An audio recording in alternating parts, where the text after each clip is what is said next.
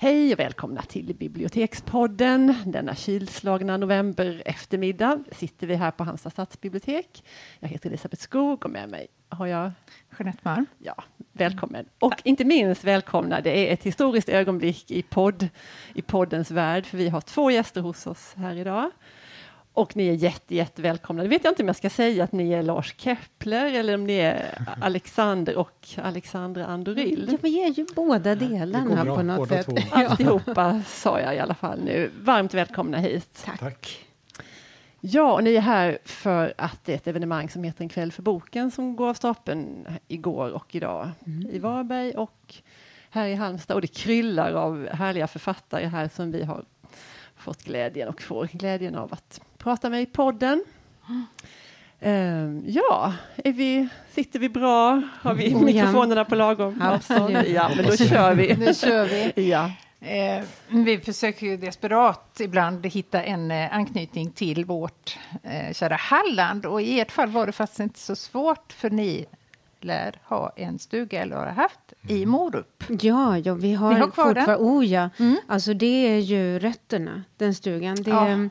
Det är så här att jag är ju svensk-portugis och min pappa han kommer från Morup och hans Mm. mamma kommer från Morup och de har alla fötts i samma stuga i generation Åh, efter nej. generation. Ja. Så det här platsen i Rosendal då, Mm. eller Sandkärr, det är, det, är, det är den lilla bit rötter som jag har här i Sverige och det har varit extremt viktigt för mig alltid. Vi var alltid där när vi var små, varje Ja. sommar.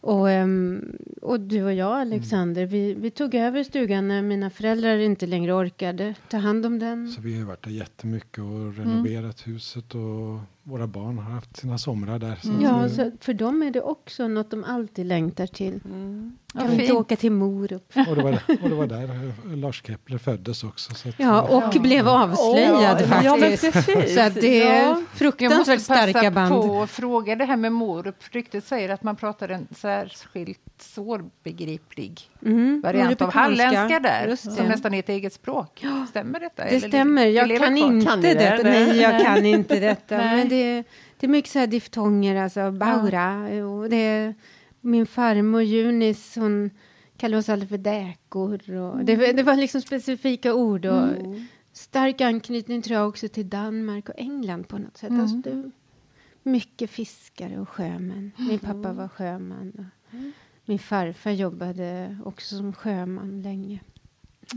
Ja, då behövde vi ju inte, det var ju ingen... Ni behöver eh, inte vara oroliga nej. för detta. Nej, det, finns en, det, det, är som, det är mina rötter. Ja, men det är fint. Då vet vi att ni, vad vi har er om somrarna. Det tycker jag Ja. känns fint, att då är ni i Halland. Mm. Jo, men om vi nu ska börja bena i det här då, så, så för oss och för många andra så var ni ju kända som författare en och en tidigare då, gav ut Mm. böcker och ja, man kände till er. Och hur, hur, liksom, hur är det nu då? För nu skriver ni ju, vi kommer in på det också sen, men för nu skriver ni så vitt vi förstår då tillsammans Mm. och ingen människa kan veta var den ena börjar och var den andra slutar. Saknar ni eh, någon gång det här andra livet, det andra författarlivet som ni hade tidigare? Så Jag, jag, jag gör faktiskt inte det. Ehm, Jag, jag skrev min första roman när jag var 18 år. Jag känns som jag har varit författare hela mitt liv. Och någonting man märker som författare är att det är ett oerhört ensamt yrke. Ehm, Jag har bara fått det jämfört med kranförare som på något sätt sitter högt upp ensamma och blickar ner på världen. Och, ehm, för, för de flesta författare är det så här att man kan inte dela med sig av det man skriver under tiden man skriver. Och det kan vara en skrivprocess på kanske fem, sex år. Där man, även om man säga, älskar sin hustru, sina barn, sin brorsa och syrra, vad det kan vara. Så, så kan man inte prata om det man gör för att det riskerar att punktera hela berättelsen. Att livet försvinner, glöden slocknar. Så att eh, det gör man inte. Men att då skriva ihop, då kan man ju dela hela den här stora, stora delen av ens liv som förut har varit eh, en ensam tillvaro. Kan man plötsligt dela med någon annan. Och det, är, det tror jag är det bästa som har hänt i, i mitt liv. Ja, absolut. Ehm, vi sa ju när vi kom på idén att prova att skriva tillsammans. Då sa vi att vi, vi kan alltid när som helst återgå till våra egna författarskap. Om vi vill det. Att vi aldrig får binda oss, utan vi ska bara följa vår lust. Men eh, vår lust har hittills hela tiden varit att skriva tillsammans. Det är, så, det är som att vi har en jazz ihop på något sätt. Och sen att skriva thrillers eh, har vi upptäckt är en väldigt stor utmaning. Det, det är svårt. Eh, Det må vara komplicerat att skriva en vanlig roman men att skriva vad vi tycker är en kvalificerad thriller det är det tar tid, det är extremt koncentrerat arbete, man måste vara strukturerad samtidigt som man måste ha stor kontakt med sin, sitt inre, sina smärtor och sin rädsla. Så det, ja, det, Det är en stor utmaning, det, det är Det är faktiskt svårare, svårare. ja. Det är svårare. Det Det, kan jag säga. Jag har ändå skrivit nio romaner innan och mer än 20 pjäser för teatern. Jag kan säga att det här är mycket svårare. Hur gör ni då rent faktiskt just det där, liksom när ni sitter där och skriver? Turas ni om eller pratar ni och så skriver någon det ni kommer fram till? Eller jag är jättenyfiken på Ja, det men här det, rent. det, det, det är en lång process ehm, som börjar med en bra idé helt enkelt. Vi, vi måste ha en bra idé som vi talar oss fram till. Eh, ibland kommer den blixtsnabbt, ofta tar det många månader. Att, eh, för det måste vara någonting som hakar i ens hjärta som författare, det som får en att ehm, tänka på det hela tiden, varje dag. Det som ska kunna fungera ett år framåt, tio timmar om dagen. Så att det, det kan ta lite tid. Ehm, och så är det en väldig massa research. Vi delar då på allting. Vi, vi samtalar fram idén, sen delar vi på researchen som är allt från att eh, åka till Kumlaanstalten och vara där och gå runt i deras kulvertar till att provskjuta pistoler till att läsa obduktionsprotokoll eller eh, även prova ut fightingtekniker. Så Vi, vi, vi gör allt. jo, men det var väldigt viktigt för oss redan från början. Mm. Att det, det ska inte vara en som gör en sak och en som gör en annan. Utan vi måste ha en röst, Mm. en ton. Och där hjälpte ju pseudonymen oss otroligt mycket. För vi försökte ju skriva ihop. Mång- Vi gjorde ju ett antal misslyckade försök. Just för att vi visste ju att vi hade tagit över den här stugan i Morup och Ja. vi hade renoverat den. Det gick si och så, men vi jobbade ihop och vi älskade. Vi märkte att vi jobbar väldigt bra ihop. Vi har tre barn ihop och vi har hela tiden delat på allt arbete hemma och med barnen och så. Så vi tyckte att skriva ihop, det borde inte vara så svårt. Eh, och eftersom våra barn var små och vi läste så mycket för dem så tänkte vi vi skriver en barnbok ihop. Och Alexander är en fantastisk eh, målarkonstnär också. Vi tänkte du illustrerar Alexander, det kommer att bli så bra. Och så, så gör vi en barnbok. Men vi märkte att vi bara kolliderade. Det blev bråk alltså. För att Okej. Ja. för vi gick in som Alexandra och Alexander med våra helt olika stilar. Mm. Och, eh, och vi var tvungna, nej vi släpper det här, det går, en barnbok det var för svårt. Men Liksom. som konstnär Det, måste man vara trogen mot sig själv, så att säga, sin Mm. egen ton. Och det, det gick inte att få ihop. nej, vi, vi, grä, vi kände inte igen, vad är det här, vi som är så harmoniska ihop. Ja. Och sen så försökte vi skriva en pjäs ihop för att jag har varit skådespelare, Mm. Alexander har skrivit mycket dramatik och det borde ju vara lätt för det är dialog. Liksom. Ja. Det är inte ändå metaforerna, det är liksom inte...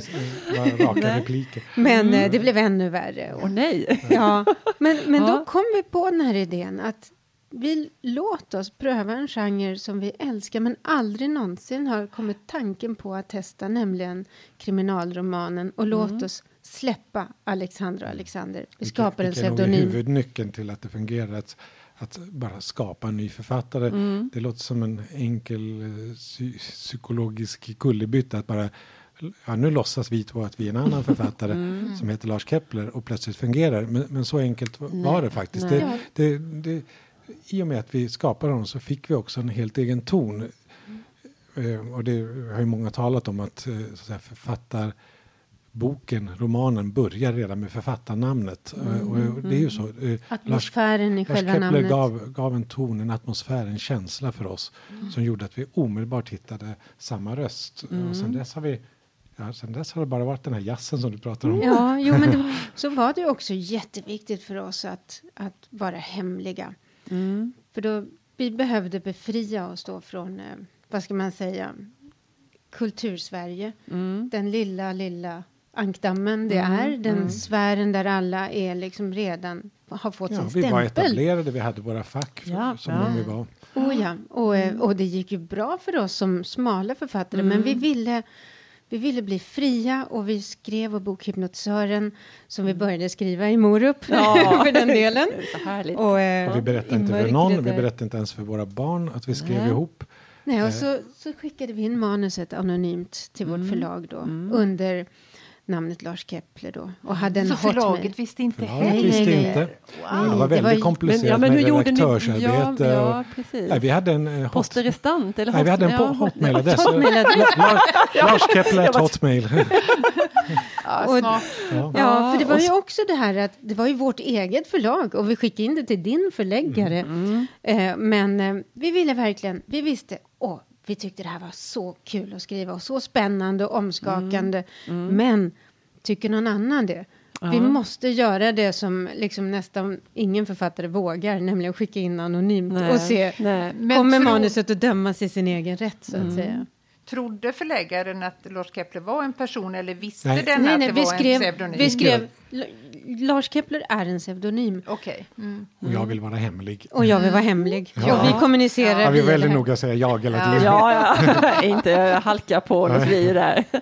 Men hur, Spännande. ungefär, eh, hur länge höll det här? För jag kommer ju ihåg, det är ju ändå några år sedan nu, att det var Mm. en oerhörd eh, upprördhet i hela kultursverige. Det spekulerades väldigt mycket. Mm. Och när då äntligen det här bomben släpptes, att det var ni, så var det ju Ja, första sidors nej. nyheter Ja. nästan på. Ja, alltså det Precis. började i april, maj någonting. eh, Innan boken var Ja, utgiven. För Okej. att, det blev så att den förlaget gillade boken så mycket då, eh, utan att veta att det var vi Ni som loggade in och kollade på Kepler, Ja. Lars Keplers hotmail och fick svar där. Ja, absolut. Och de, de gillade den så mycket så de tog med den till eh, bokmässan i London som är på våren. Mm. Eh, den näst största bokmässan i, i världen. Och Mm. där blev den liksom en megasuccé omedelbart. Oj. Och det spred sig till, till media i Sverige. Mm. Eh, då, Den okända svenska författaren Lars Kepler som Mm. är hemlig och allting. Ja. Eh, och, Ja, har där- gjort succé där blev nu, det nu liksom en jakt. veta. Ja. Mm. Precis, och jag tror inte att vi riktigt förstod hur, hur liksom hård den där jakten var på oss. Nej. För att den sommaren som boken kom ut, då befann vi oss just i Morup och vi hade ingen telefontäckning. Nej, det är någon form av radioskugga just kring det huset. Så att, Det kan vara ganska välsignat. Ja, vi, vi märkte att eftersom vi renoverade huset, uppe på taket eh, när vi försökte täta vattenläckorna, då fungerade telefonerna. Men, men det var där, liksom, och det, det är inte så ofta man sitter på taket. Nej. Eh, Så vi missade mycket av jakten som vi sen förstod senare hade pågått. Mm. Eh, Ja, men ehm, en mörk kväll, då tror jag att boken hade varit publicerad kanske i tre veckor eller något sånt. Och det var augusti och blev sådär efter den här sommar, de sommarljusa nätterna. När augusti kommer blir det så överraskande mörkt. Och vi Mm. skulle gå och lägga oss, det var sent på kvällen. Men Och barnen sov i alla fall. då såg vi det här konstiga ficklampsskenet över gräsmattan. nej, ja. som närmade sig. Och jag hade bara något tunt nattlinne på mig. Så att plötsligt knackade på dörren och jag Mm. sprang och gömde mig. Du var tvungen att öppna. Och då var det Aftonbladet. Två Nej. journalister med nej. ficklampa, och kamera Åh, och nej. hypnotisören-boken med sig och Åh. sa till och med att erkänna att det var vi. Ja, Åh. Så det fick vi göra då. Då fick ni, ja. Men vi blev väldigt uppskakade. Jag, jag Ja. liksom fick en sån här, hela min värld svajade. Att Mm. Är det liksom ett brott att ha en Får pseudonym? Men jag tror det, det är många författare som har det. Alltså jag kunde Mm. aldrig någonsin tänka mig att Nej. Varför man skulle vilja avslöja Sen var det. vi rädda för att vår kreativitet skulle skadas av det. Mm, Eh, Som vi hade skapat allt det här för att kunna skriva.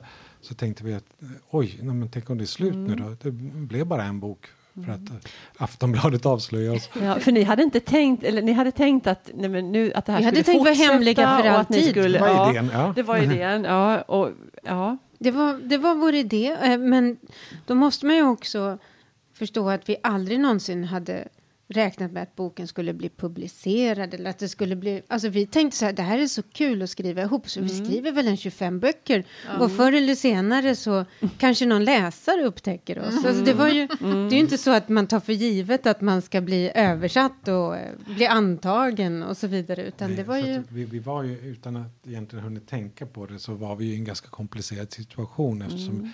väldigt massa länder runt om i världen hade köpt boken och ville ge ut den. Och Ja. Vad skulle vi göra då? Skulle, kan, då kan vi inte åka dit och hjälpa dem. Menar, man behöver ju träffa journalister, träffa Ja. läsare. Men så långt hade vi inte Nej. tänkt. För vi givetvis in, som du Nej, säger, vår- vi visste ju inte att det skulle bli en succé. Nej, precis. Vår, vår liksom viktigaste avsikt med pseudonymen var just att det gav oss en möjlighet att släppa den här prestigen. Att gå in i den här nya Mm. Ja, författaren vi, och nya älskar, vi älskar genren. spänningslitteratur också. Vi, vi, vi, vi bokslukar, vi är galna i böcker. Men spänning hör till det vi gillar också. Och det här var ett sätt, tänkte vi, att ge tillbaka till genren. N- Någonting vi älskar. Vi har fått väldigt mycket av det. Av det när vi läste Sjöwall Wahlöö när vi var små. Liksom. Det, det var ju fantastiskt. Men varför är det då så viktigt? Varför la Aftonbladet så mycket resurser på att avslöja någonting? Det, det tycker jag är lite intressant. Eh, vi har ju det här parallellfallet nu med Elena Ferranti i Italien som man då har triumferande avslöjat att vem hon är. Och för mig som läsare är det faktiskt fullkomligt ointressant. Exakt. Jag håller med. Jag, jag vi tyckte tyck- så synd ja. om henne. Jag tyckte så synd om henne att hon blev avslöjad. För att hon ville bara vara i fred tror jag. Och hade hittat en kreativitet i att vara den här, äh, att vara dold. Jag Alltså en att de- författare skickar ut sin bok. Det är den som är saken. Det är Ja. inte, det är Ja. inte jag. Det är Och ju ingen det. blir för, eh, jag kan inte tänka att någon blir författare för för att man vill vara i offentligheten och synas och bli fotograferad och vara i tidningar. Utan Nej. man är författare för att man vill skriva. Ja. Och då hittar man en form för det och hennes form var att vara hemlig. Så jag hoppas att hon inte tappar sin kreativitet Nej. nu. Sen Dåliga- är det ja. förstås underbart nu efter att vi blev avslöjade. var det det måste jag säga. Alltså här i backspegeln så var det så mycket enklare. Förlaget bara drog en jättelättnadens suck. För att plötsligt oj, så det- fanns det människor. Var det ni? Ja. Ja, de hade ju varit rädda att det var en galning eller någonting. Ja, men vi känner ju, ni är ju författare. Liksom. Så, och plötsligt kunde vi göra research och vi kunde träffa Ja, läsare, komma till det här ikväll. Ja, just det. Ja. Det hade ju varit Ja. Blir svårt. Men jag tänkte då tillbaka där när Aftonbladet knackade på där. med det där. Alltså det fanns aldrig sådär att blåneka eller säga. Nej. Nej, vi blir så vi överrumplade. hade sagt från början till oss Ja. själva och utåt också att vi, vi tänker inte ljuga. Om någon Nej, frågar oss så, så säger vi Så, sanningen. Men, mm. men att gömma oss har vi rätt att göra. Ja. Ja. Ja, ja. Men vi skulle aldrig liksom göra oss till lögnare. Det, Nej. det, vill, det Nej. sa vi. Kommer de på oss? Men vi hade, vi hade därför vi- aldrig tänkt att någon skulle vilja. Det bara skulle vara intressant. Att det var så, liksom. nej. Men det var ju därför vi inte berättade för barnen också. För att de aldrig skulle kunna hamna i en situation Nej. där de måste ljuga Nej, för vår precis. skull. De var ändå så små så de förstod inte det här projektet. Ja, jätteintressant. Jag inser nu att när vi började där så vi hoppade faktiskt över till det här spännande på en gång. Men ni måste ju berätta någonting om den boken, den senaste boken, Kaninjägarna som Ja, ni är ute absolut. och... Ja. Kaninjägaren är ju fortsättning på Stalker. Och eh, vi skrev ju en bok däremellan, Playground, som var en helt annan bok än Standalone, som man säger.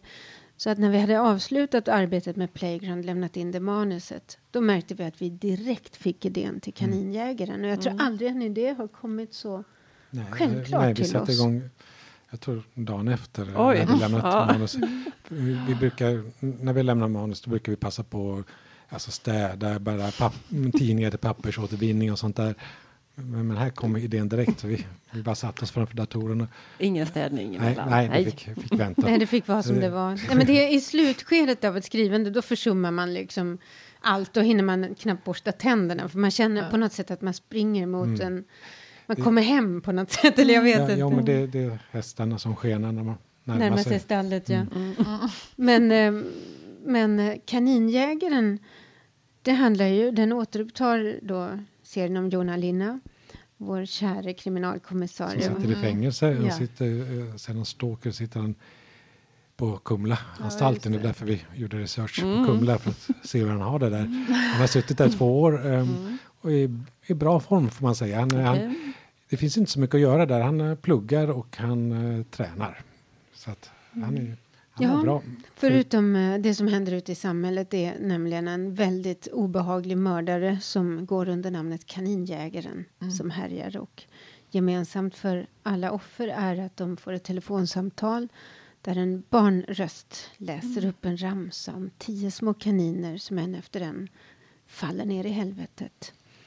Och han är något så ovanligt som en spree killer. Eh, eh, ett begrepp som används eh, ja, av polisen, i alla fall runt om i världen, framförallt i USA kanske. Eh, alltså inte en seriemördare utan en spree killer. Ja, och, ehm, och vad, vad som kännetecknar dem är egentligen att de är inte... Så det finns inget eh, sexuellt i deras eh, eh, mördande. De har ofta ett ganska starkt motiv. De har inga vad som heter avkylningstider, cooling off-perioder, Okej. utan det går aldrig mer än en vecka mellan morden och morden är alltid på olika platser.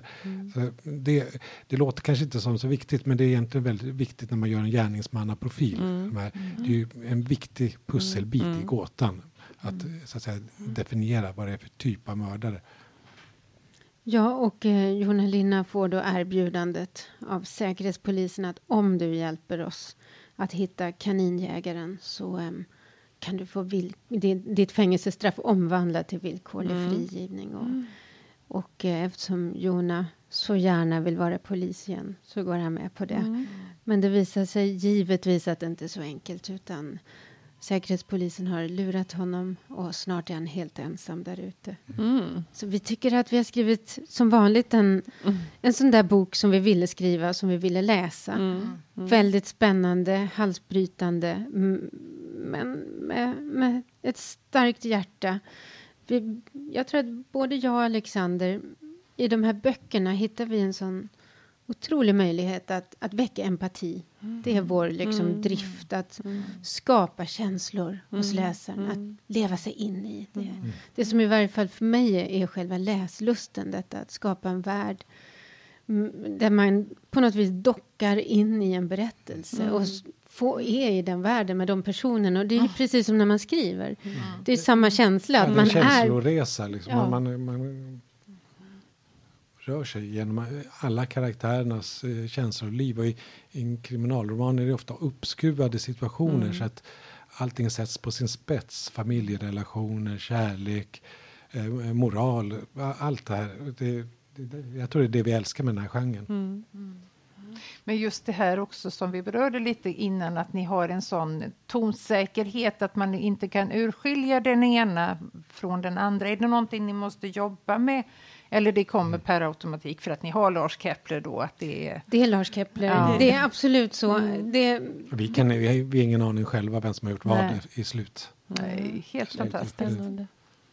Ja. Hur blev det just Lars Kepler? Det glömde vi också fråga där i början. jo, men det, det, Ja, det, det är en bra också. historia. Jag- Ja, ja. du, det var du som... Jag drog till med, med Kepler, jag bara eh, kände att det var rätt namn. Det är ju från Johannes Kepler och den tyske För visst var det väl det som delvis ledde dem på rätt spår, apropå Ja, Tycho vilket Brahe lustigt. Ja, och- ja, för han var ju Tycho Brahes lärling, Ja. eller vad man ska säga. Eh, assistent kanske är rätt ord. Eh, men han tog ju med sig eh, mycket av eh, Tycho Brahes forskning Mm. till, till Prag då. eh, Och när han bo, bosatte sig där. Och sen löste han ju ett- en av sin tids stora mysterier utifrån Tycho Brahes observationer. Så att han satt och tänkte som en sorts kriminalkommissarie efter indicier. Och det, det Ja. vi gillade. Ja. Ja, och Lars Och då. Lars. Det är en hyllning till Stig Larsson. Ah, För vi ja. tyckte att... Um, dels tyckte vi verkligen att han vitaliserade Sveriges långa tradition av Mm. kriminalromaner och, och förde in ett thrillermoment. Alltså han skapade starka karaktärer Mm. och vilda historier. Och em, det var så sorgligt att han dog. Ja. Så vi ville verkligen hylla honom. Mm. Så han, vi vinkar till honom Ja. hela tiden. Ja, spännande att få den historien. Eh, vi får runda av här lite grann och vi tänkte om ni vill komma med boktips. Det passar sig ju i en bibliotekspodd. Vad våra läsare eh, kanske borde titta lite extra på, läsa. Ja, varför inte Elena Ferrante då? Min fantastiska väninna läser jag just nu och det, jag tycker den är underbart välskriven. Alltså, Den är konkret och den har liksom en råhet. Den är inte insmickrande men den är väldigt spännande. Och jag känner igen så mycket av det här också från min mammas historia. Min mamma som kommer från Portugal och från väldigt fattiga förhållanden. Just alltså, min mormor och morfar var analfabeter och em, just det här längtan efter bildning. Mm. Alltså den långa resan in i böckernas Mm. värld. Mm. Den är livsviktig. Absolut. Och också, för jag, precis, det är något stycke där som jag har fastnat på när jag läste boken. Också hur ensam hon blir i den här, när hon har börjat studera, hur hon på samma gång som hon liksom upptäcker allt det där som finns att lära sig och förkovra sig, att hon på något vis också tar steg ifrån sitt ursprung. Ja. Och det är någon scen när hon sitter i bilen på väg till det här bröllopet, när hon, att hon känner sig så avlägsen ifrån dem. Och så ensam, fast det är hennes En strävan, ja. En längtan, ja, den men högsta hon, önskan. Ja, absolut. Och så, så fjärmar det henne också ifrån Mm. det som är henne allra det. mest välbekant. Och det tycker jag hon skildrar så jättefint. Klassresenärens eviga dilemma. Ja. Jag har Mm. precis läst ut nummer två, hennes Ja, nya ja. namn. Och, eh, Spoila den inte. Nej, det ska jag inte göra. Men om jag ska vikta dem, jag tyckte fantastiskt mycket om den första, men den här är ännu bättre. Ja, och intressant. det tror jag att det gjorde det så enklare att jag redan hade fått alla personerna. För jag hade Mm. svårigheter i, i nummer ett, att det var väldigt mycket namn och man fick tänka efter vem som var son till vem. Och det Ja, var, det var slaktaren mycket och- så. ja. Men nu hade jag det klart för mig, alla de här, så att det gjorde Mm. läsningen, alltså den var, jag var som i ett rus. Mm. Eh, väntar bara på att nummer tre ska komma nu. Ja. Ja. Ja, då vill jag säga Emma Klein, Klein, Ja, Klein med C, Ja, Flickorna. just det. Mm. Flickorna är så den bra. fantastisk. Det är en debutroman. Mm. Eh, amerikansk författarinna, ganska ung. Mm. Eh, Ja. som pratar om flickorna fiktivt och eh, kring, om kvinnorna kring eh, Manson. Eh, det är en jättestark berättelse Mm. som egentligen handlar väldigt mycket om uppväxt, alltså flick, flicktillvaron, att Mm. vilja komma bort, vilja bli någon annan, vilja, viljan in i vuxenheten och så vidare. Det, Mm. In i det, det är äventyret. fruktansvärt bra gjort alltså. Mm. Det, Ja, fantastiskt språk. Jag har Mm. också läst den. ja, Mm. det är helt underbart. Ja. Stor den är läsupplevelse. Jättesugen på den. Den, ja, jag ligger hemma. Ja. Det är en stor läsupplevelse.